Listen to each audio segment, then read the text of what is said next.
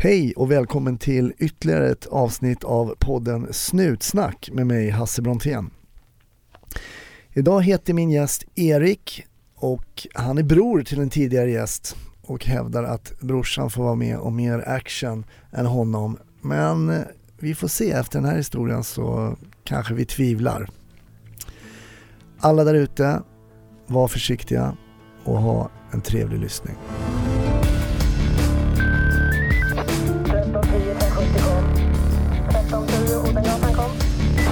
Uppfattat. Vi tar det. Slut. Ja, klart slut. Välkommen till Snutsnack Erik. Tack. Det här är lite intressant för du är alltså bror till en tidigare gäst i Snutsnack, nämligen Jonas. Stämmer. Och eh, vi pratade lite innan här och jag menade på att det var Jonas som hade golat ner dig men du sa att det beslutet är helt ditt att vara gäst här. Ja, ja som jag sa. Therese blev nergolad. Absolut. Men eh, nej, inte mig. Jag tänkte att det skulle vara en kul grej. Ja, Och lite som Jonas var inne på det här med att kliva ut ur bekvämlighetszonen. just det. Eh, det tror jag är bra. Mm, det tror jag också är bra. Men ni är alltså två bröder som båda jobbar som poliser. Mm. Vem var det som, eh, som kom på idén först? Det var jag. Eh, men vi sökte samtidigt. Okay. till samma omgång, eh, Polishögskolan där. Eh, men jag tror att Jonas pratade om det när han snackade med dig, att han, hans syn var för dålig så han, han fick vänta en, ett halvår. Så han är ett halvår yngre än mig i tjänst, men tre år äldre än mig i levnadsålder. Just det. Men då som bröder och när ni var yngre och sådär, var det någonting ni pratade om eh, sinsemellan? Lekte ni bara tjuv och polis när ni var, när ni var Nej. små? Nej, nej, och den, den frågan har vi fått förut så här liksom att, ja, för det, jag vet att det är många som, som är poliser som som har liksom närt den drömmen ganska länge.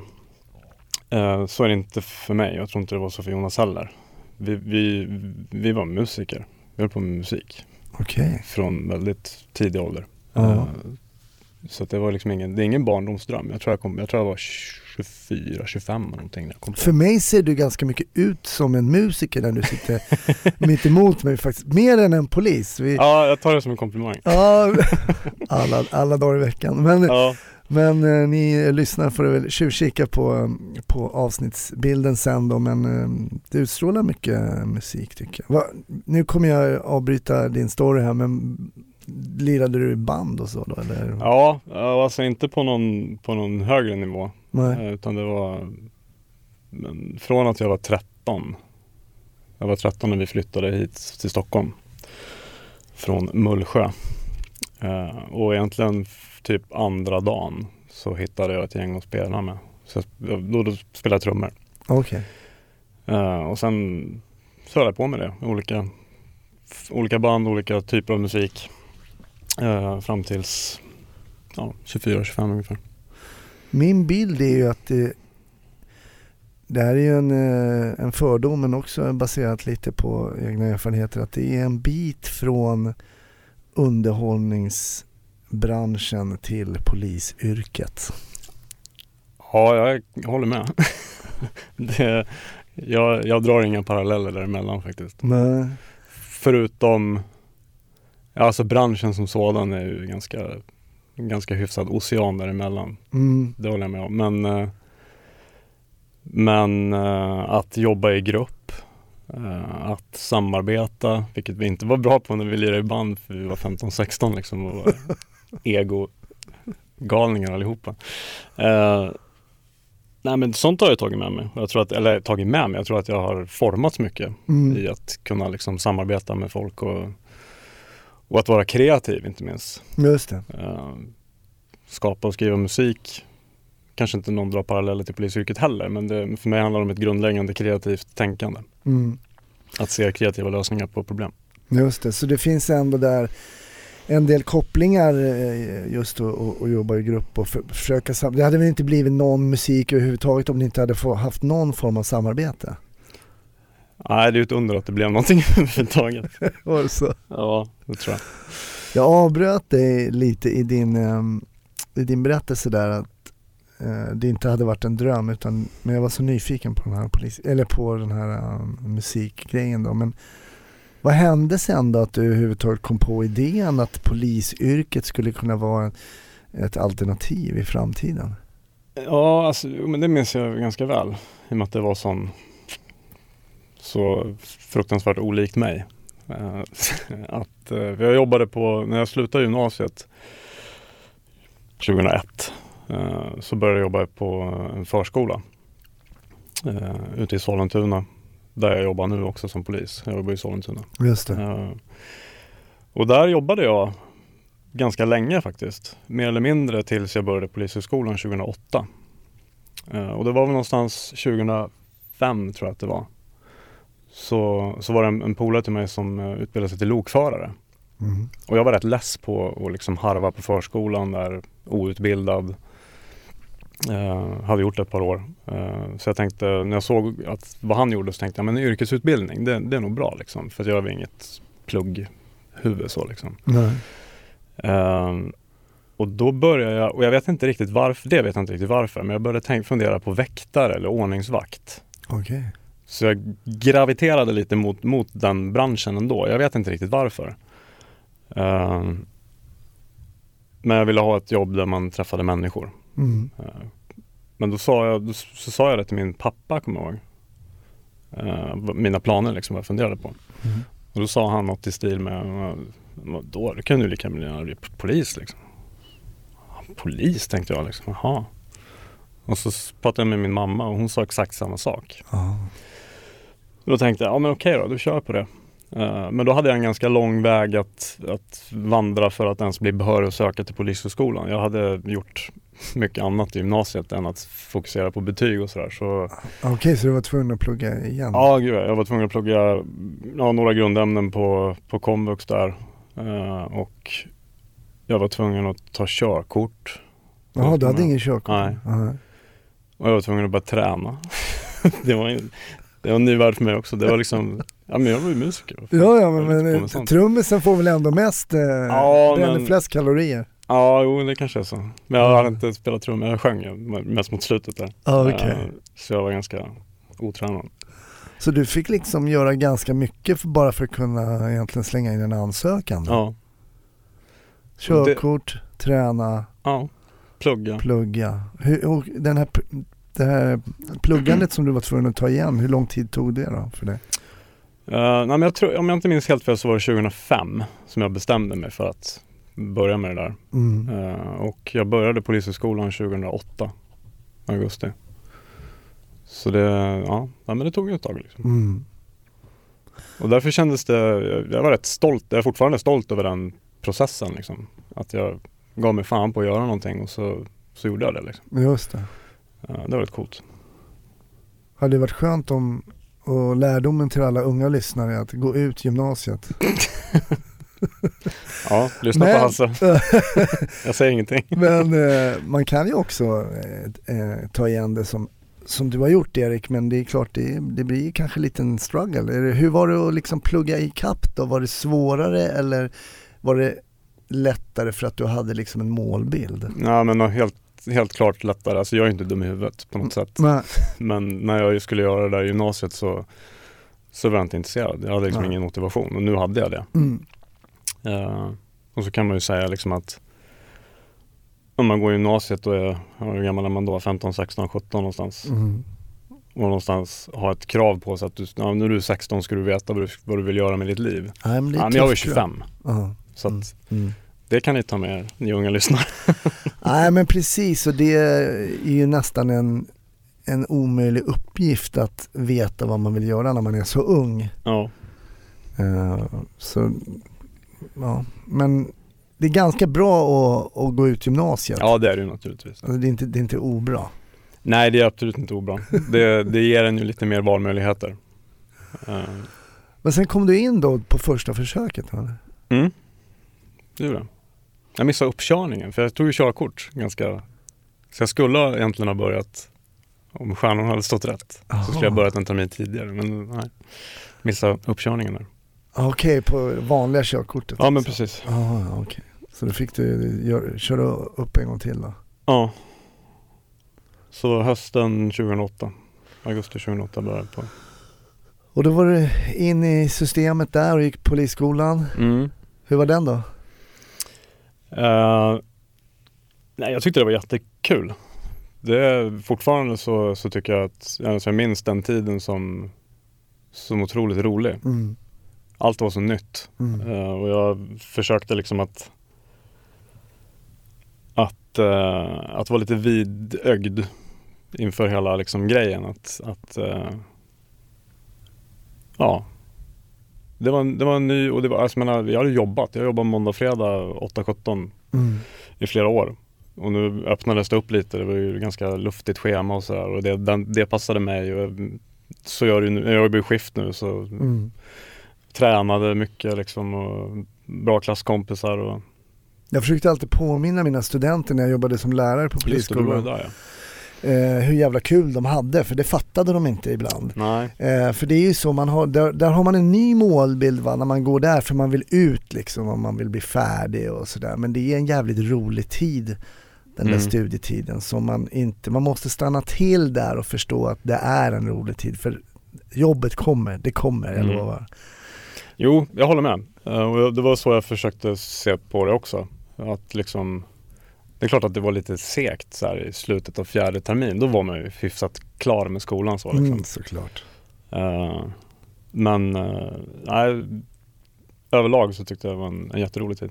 Och man pratar om att man inte vet vad man vill göra när man är 15-16 år sådär men Visste du vad du ville göra som polis? Hade du några tankar kring polisyrket som sådan? Vad du, hade, vad du skulle vilja ha för, för inriktning eller sådär?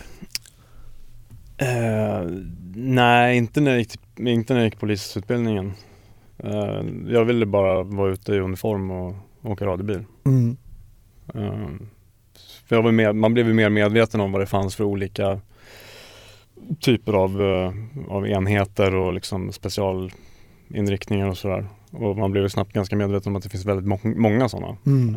Och det, det kändes ju bara liksom lockande att jag kan vara kvar i det här yrket men jag kan jobba med otrolig liksom bredd av, av olika saker. Mm.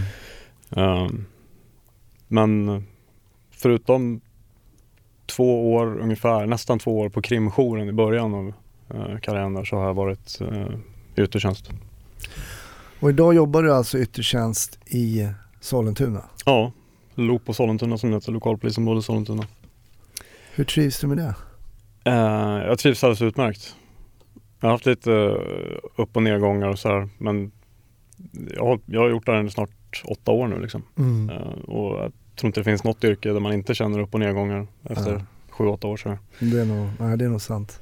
Men jag har fått lite nytändningar. Jag har gått FU-ledarutbildningen och börjat svara som yttre befäl nu. Och, eh, så det är ju en nytändning liksom.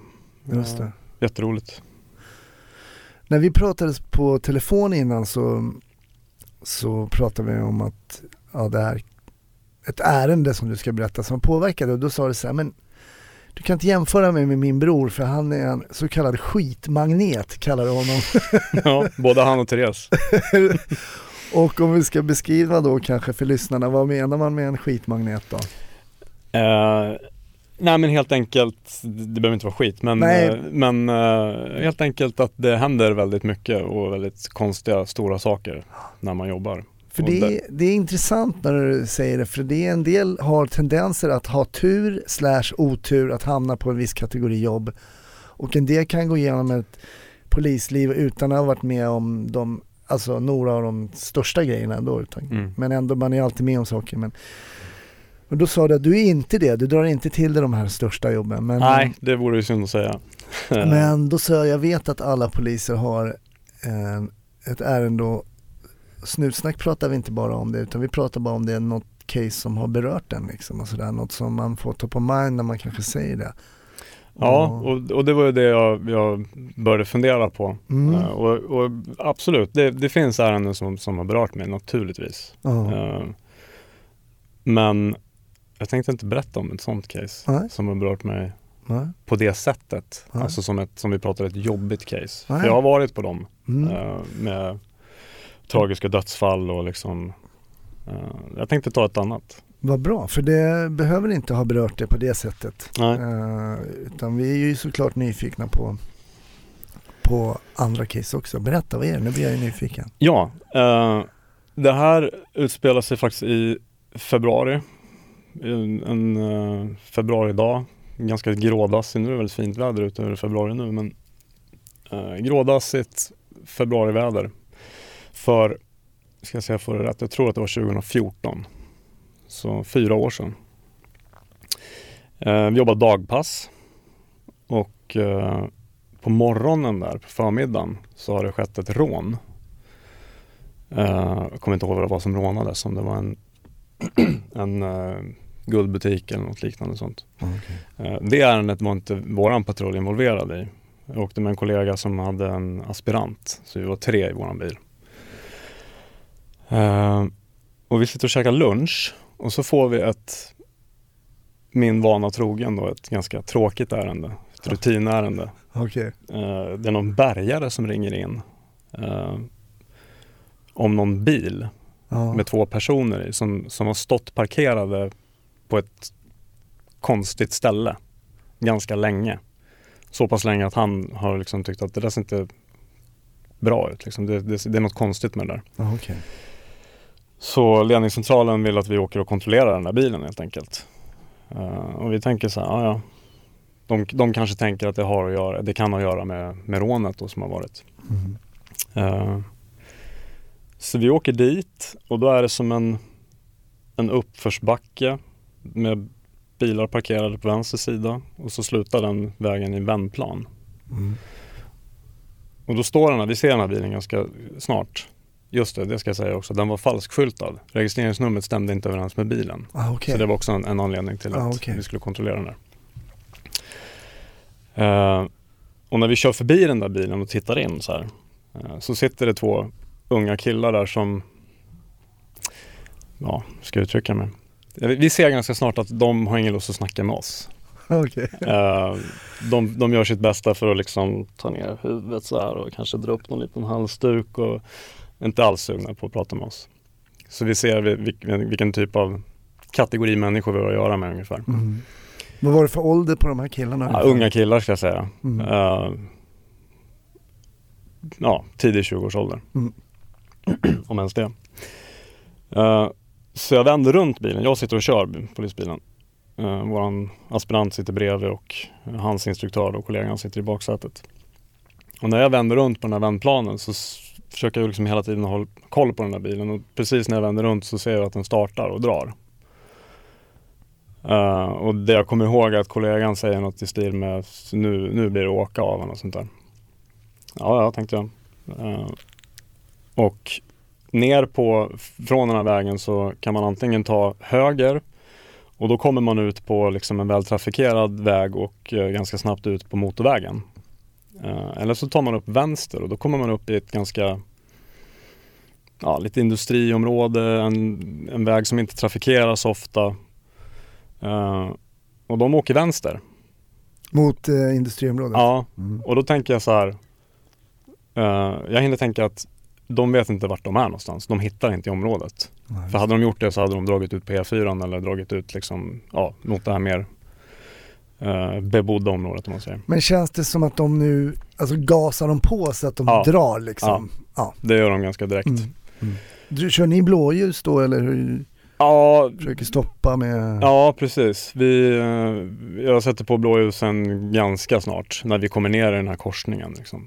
Eh, för det är ju inte den vägen som de kör in på är som sagt, den är inte jättetrafikerad trafikerad, men det är ändå trafikerat. Liksom. Mm. Och då kommer de upp till en, en rondell och där kör de mot trafiken i rondellen. De svänger vänster i rondellen utan att ta ut den här lagenliga vänstersvängen utan de kör, de genar liksom. De genar lite. Ja. Och där har de ju på att smälla med en, eh, en bil som kommer in i rondellen som får tvärnita. Eh, Så där är det bara tur att de inte krockar.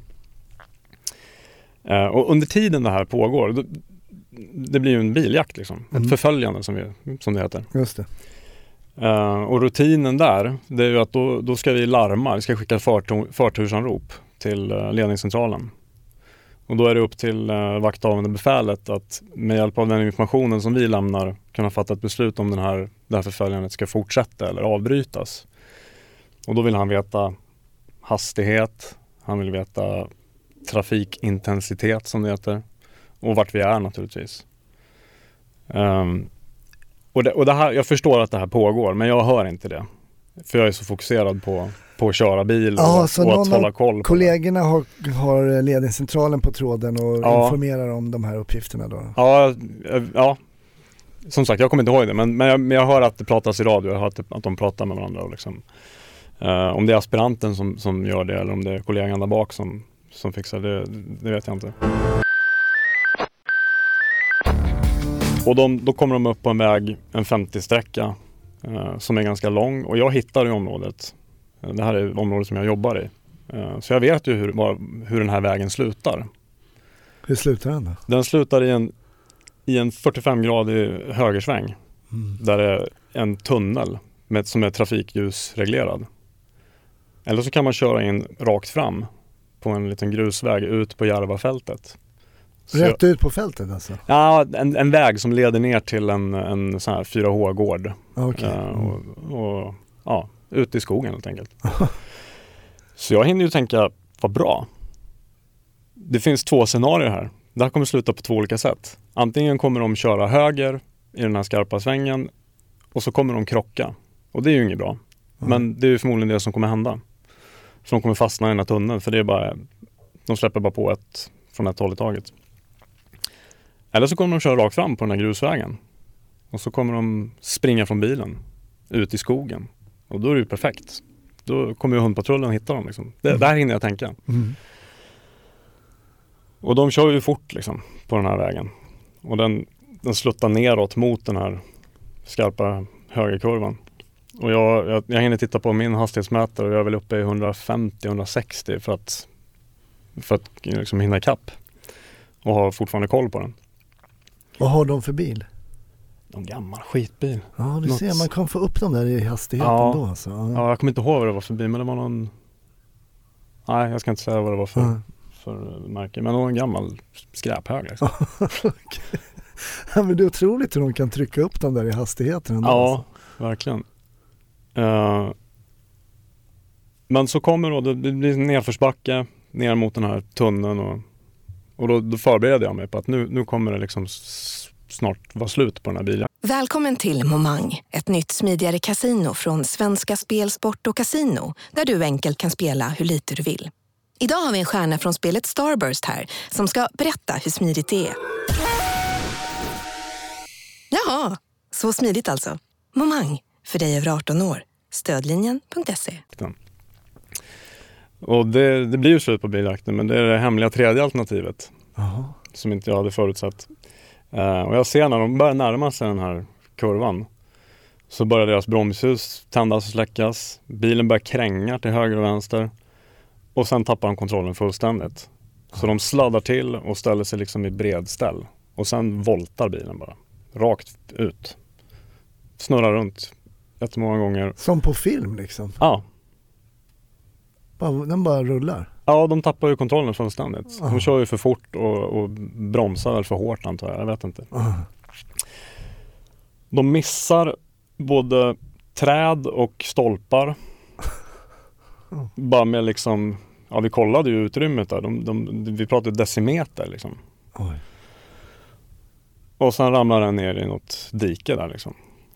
Eh, och vi springer fram och då ser vi att den har landat med hjulen neråt så att den står som den ska. Men den ligger i någon slags träsk. Något vattendrag liksom. Okej. Vid sid- I något dike. Och jag, hin- jag kommer också ihåg att jag tänker att det här har inte de överlevt. Inte en chans. Oj. De är döda båda två. Det hinner jag tänka. För den där kraschen överlever man inte. Oj. Jag började titta liksom så här, har de kastats ut ur bilen? Eller liksom, var, var är de någonstans? Men vi, jag får syn på dem och då ser jag att passageraren, han rör ju på sig liksom. Passagerarsidan är vänd mot oss liksom. Så han rör ju på sig och, jag har sett att han, han böjer sig fram och fipplar ner på golvet så här. Uh, eh, så jag drar mitt vapen liksom, och börjar skrika på honom liksom, att han ska visa händerna och ta sig ut ur bilen och komma till oss. Uh, så han får hoppa ut ur bilen där och simma lite tror jag han får göra. Det Lite kallt kan man säga i Det, februari. där vatt- det var ju så trist det där vattnet för att det var ju någon, det är ju jag tror inte det var något jättenaturligt vattendrag så, så att det, vattnet var ju typ varmt. Alltså det var ju såhär gyttjigt Ah, gammalt, okej. jag vet inte var, var det där vattnet kommer ifrån men det var ju inte någon, Det var inte fräscht. nej det var det inte. Och han var ju inte så imponerad av situationen, han ville ju inte bli blöt men jag försökte förmedla till honom att du är redan blöt, liksom, du, ligger i, du ligger i träsk. Så kom nu liksom. Eh, och, sant, och, och han kommer till oss och vi griper honom, jag och aspiranten och sätter på honom handfängsel.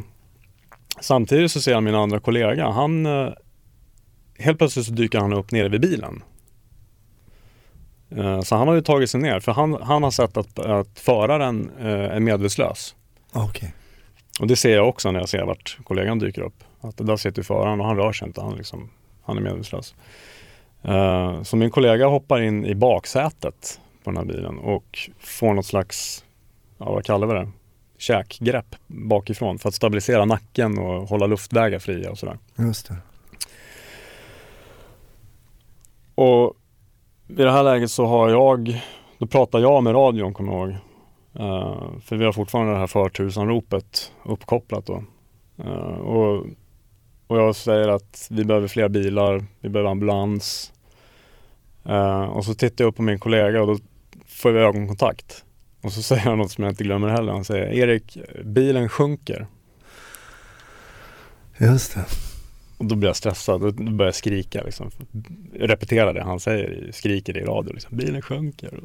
Brandkår, allt, skicka allt ni har. Och hur stor, stort är det här vattendraget då? Eller Ja, men alltså, liksom- det är inte stort alltså. Det är, när, tänk en vanlig personbil som står som den gör Ja. i det här vattendraget så har vi kanske en och en halv, två meter vatten runt om. Jaha. Så att det är de har prickat helt rätt. Men jag tänker att det kanske inte borde vara så djupt just där. Men... Nej, och det var ju inte det. Men den, den sjönk en liten bit. Och sen när den har sjunkit klart så tror jag att om du satt i bilen, vilket föraren fortfarande gjorde, så hade han vatten upp till nyckelbenen någonstans. Okej. Och det var ju också en tanke som slog, som slog oss efteråt att hade den där bilen landat på taket då hade vi kanske kunnat hinna få ut en. Mm. Men förmodligen inte båda. Nej. Så de hade ju tur liksom. Men vad hände med föraren här då? Eh, föraren, han kvicknade till där. Och min kollega satt och höll ett vänligt men bestämt eh, nackgrepp på honom så att han inte skulle röra sig för mycket och tuppa av igen. Och, och sen kom brandkåren och klippte av taket på bilen och Lyft ut lyfte ut honom. Men skador då på de här? Eh, ingenting. Hade de bälte på sig? Eller? Jag vet inte. Jag- Det framgick inte. Men de var, nej, men de var oskadda. Passageraren som vi fick ut där, han var ju vaken och talbar. Men hur många gånger snurrar bilen då? Oj, det är jättesvårt att säga. Jag fick den frågan i tingsrätten också när jag vittnade, men jag vet inte. Nej. Men jag upplevde det som att den, precis som du beskriver, som på film. Liksom. En, tänk en bilkrasch på film och bilen snurrar. Voltar liksom. Ja. Och sen en annan sån detalj som jag minns, att när jag står med passageraren, han sitter ner framför mig med handfängsel. och så står jag där och det har lugnat ner sig lite. Brandkåren jobbar med bilen där och flera poliser har kommit dit och så så ser jag liksom att det rör sig, det är någonting på hans huvud som rör sig. Okej. Så jag tittar ner så här och då är det en, han har en liten blodigel på huvudet. Så här. Det var ett äkta träsk Ja, det verkligen. var ett riktigt träsk. I februari. I februari. Ja. Alltså there's nothing like a good biljakt. Eh, Nej, och det var typ min enda. Är det så? Ja, min enda rejäla i alla fall. Ja, men jag tycker det är intressant det här och jag kommer ihåg lite frustrationen i att behöva koppla upp sig mot ledningscentralen och säga hur snabbt det går och, och så visste man ju egentligen att då säger de bara avbryt. Mm. Har du varit med om den också att ni inleder ett förföljande sådär och sen så säger de avbryt? Alltså som jag sa förut, det här det är inte skitvanligt för mig det här. Nej, eh, med förföljande. Jag har inte Nej. haft så, så många. Och jag skulle vilja påstå att de allra flesta förföljandena som vi har, de avbryter vi själva. Så. Antingen för att, för att det är någon värstingbil som vi aldrig kunde, komma, komma ikapp. Eller för att det går alldeles för fort ut på motorvägen och vi tycker själva att det här kommer bli för farligt. Liksom. Mm, När vi inte vet vad vi har för brott just det. eh, i grunden. Så egentligen bara en fortkörning, alltså initialt egentligen då? Ja, kanske en vårdslöshet i trafik. Ja, mm. eh, Om det är sådana hastigheter. ja. Men de här killarna, eh, när vi började undersöka lite mer i bilen så var bilen stulen och falskskyltad. De hade två eller tre lager kläder på sig. okej. Så hittade vi en, en yxa och, och något så här folieskynke Okej. som fick vi veta sen att det kan man använda för att ehm, värdeväskor från värdetransporter, eh, de är oftast eh, GPS-märkta och då kan man använda det här foliet för att störa ut GPS-signalen. Okej. Så de blev gripna och misstänkta för eh, förberedelse till rån och sedermera även dömda för det båda två. Alltså de blev det? Mm. Kommer du ihåg vad de fick för straff? De var ju unga, jag tror att de var 19-20 bast sånt där Ja. när det hände. Eh, Så de fick inte så mycket straff att prata om. Alltså skulle någon komma och säga till mig så alltså, men vi avbryter den här podden nu, du får åka ut och köra lite blåljus. Så ska jag nog fundera på det tror jag. Du blir sugen? För det är någonting, det går inte att sticka under stol med det tycker jag, jag pratar bara rent personligt, men det är någonting att få köra lite blått alltså. Det, det, jag tycker det är roligt, Ja, det tycker jag med. få köra blåljus. Absolut. Sen så är det ju förenat med ett väldigt stort ansvar såklart Mm. eh, att köra blåljus. För man är ju, man kräver ju fri väg men man kan inte bara blåsa på. eh. Nej, vi, vi är ju alltid ansvariga liksom. Mm. Eh, Det är alltid vi som ja, iakttar särskild försiktighet står det i, i lagtexten när Just vi det. åker med blåljus. Och det, det, det är ju en särskild försiktighet och det, då ska vi vara riktigt försiktiga. Men jag tänker på det om vi backar bandet lite grann här så när de drar då, du förstår att de drar och eh, du sätter på blåljus, hänger på.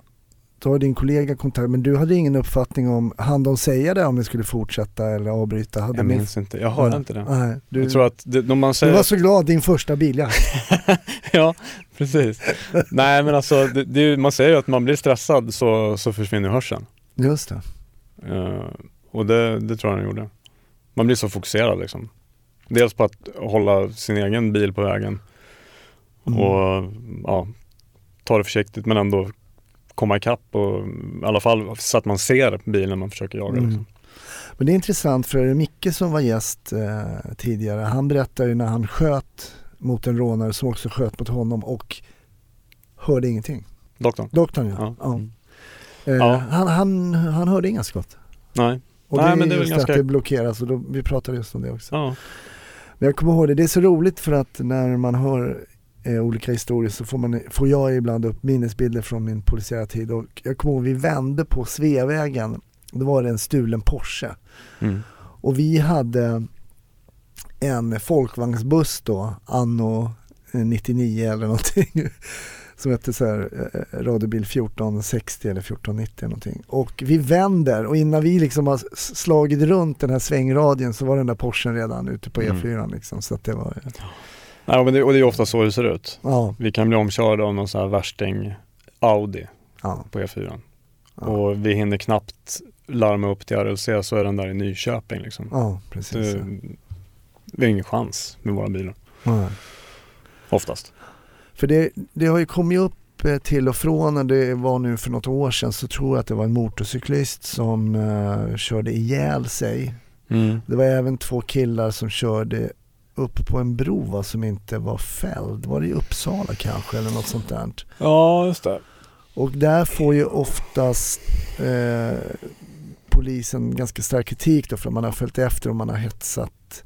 Mm. Eh, men vad tycker du där? Hur mycket, det vore ju också konstigt om polisen inte skulle få följa efter Ja, eh, men det är väl som allting brott. annat som vi får eh, feedback på i pressen.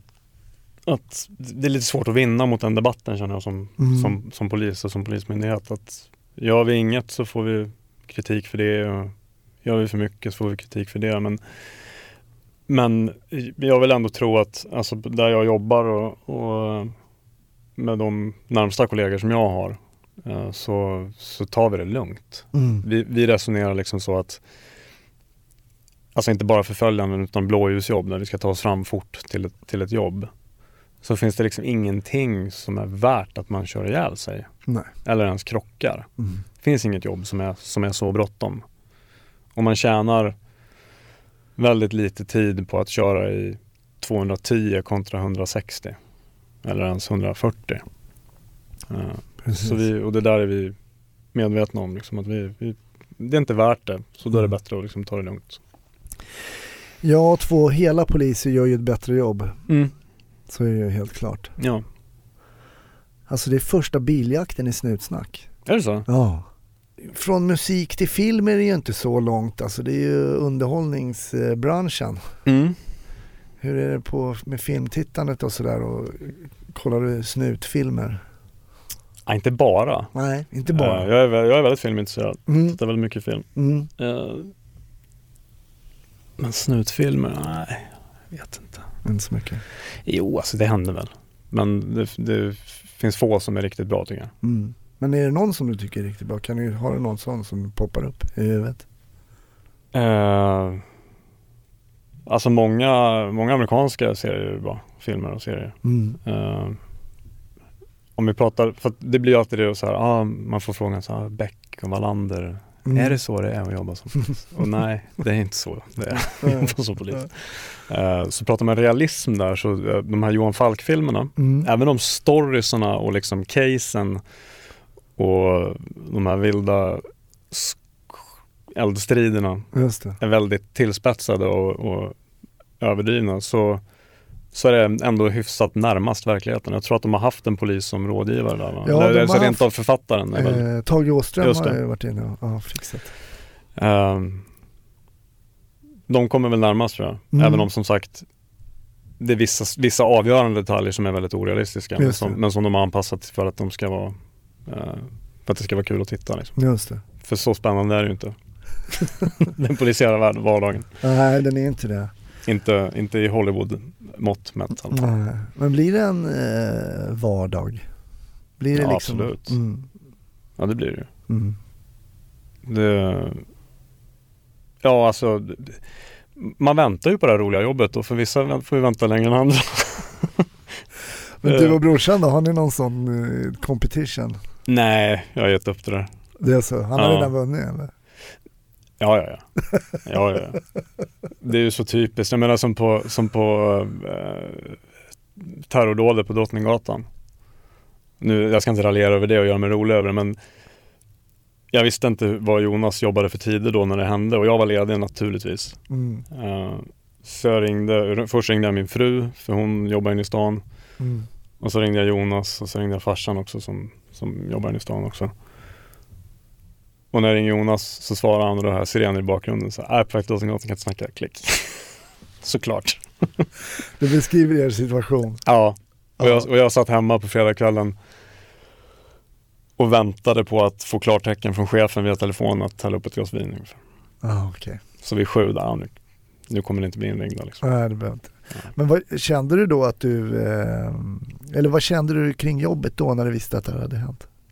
Det var sjukt frustrerande att sitta hemma.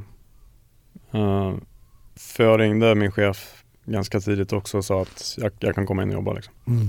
Och det gjorde jättemånga. Uh, jag tror alla som inte jobbade ringde till sina chefer och sa att liksom, erbjöd sig. Mm.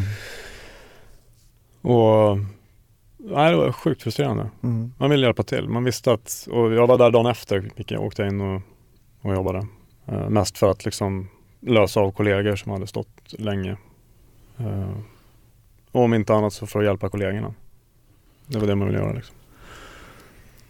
Så eh, uppslutningen vid ett sånt här stort ärende då får man en känsla av är ganska god då. Absolut. Och det, det blir tydligt i ett sånt här stort ärende, ett sånt spektakulärt ärende. Eh, men för mig är det också tydligt i, i våran vardag också. Mm. Vi hjälper varandra liksom. Mm. För det mesta. Ja, jag gillar det. Jag, eh, det är det som jag faktiskt kan sakna ibland. eh, eh, Den eh, sammanhållningen som man har som poliser tycker jag.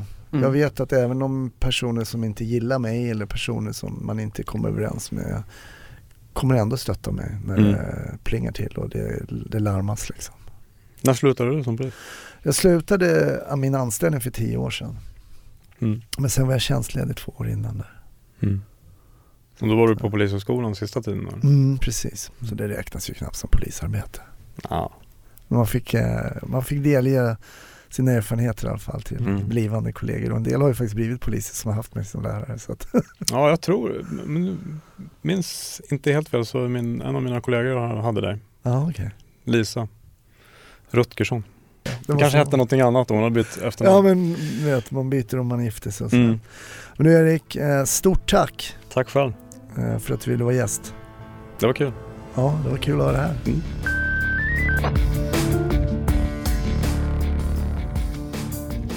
Ja, då tackar jag dig eh, jättemycket för att du har lyssnat på ytterligare ett avsnitt av podden Snutsnack. Vi finns på Facebook under namnet Snutsnack och mig, Hasse Brontén, hittar du på sociala medier under mitt namn Hasse Brontén. Ha en fantastisk vecka så hörs vi igen.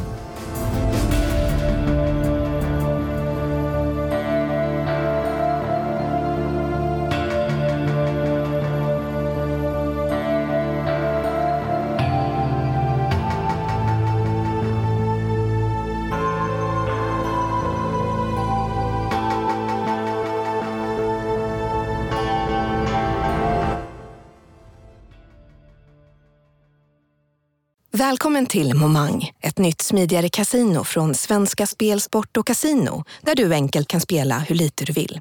Idag har vi en stjärna från spelet Starburst här som ska berätta hur smidigt det är. Jaha, så smidigt alltså. Momang, för dig över 18 år.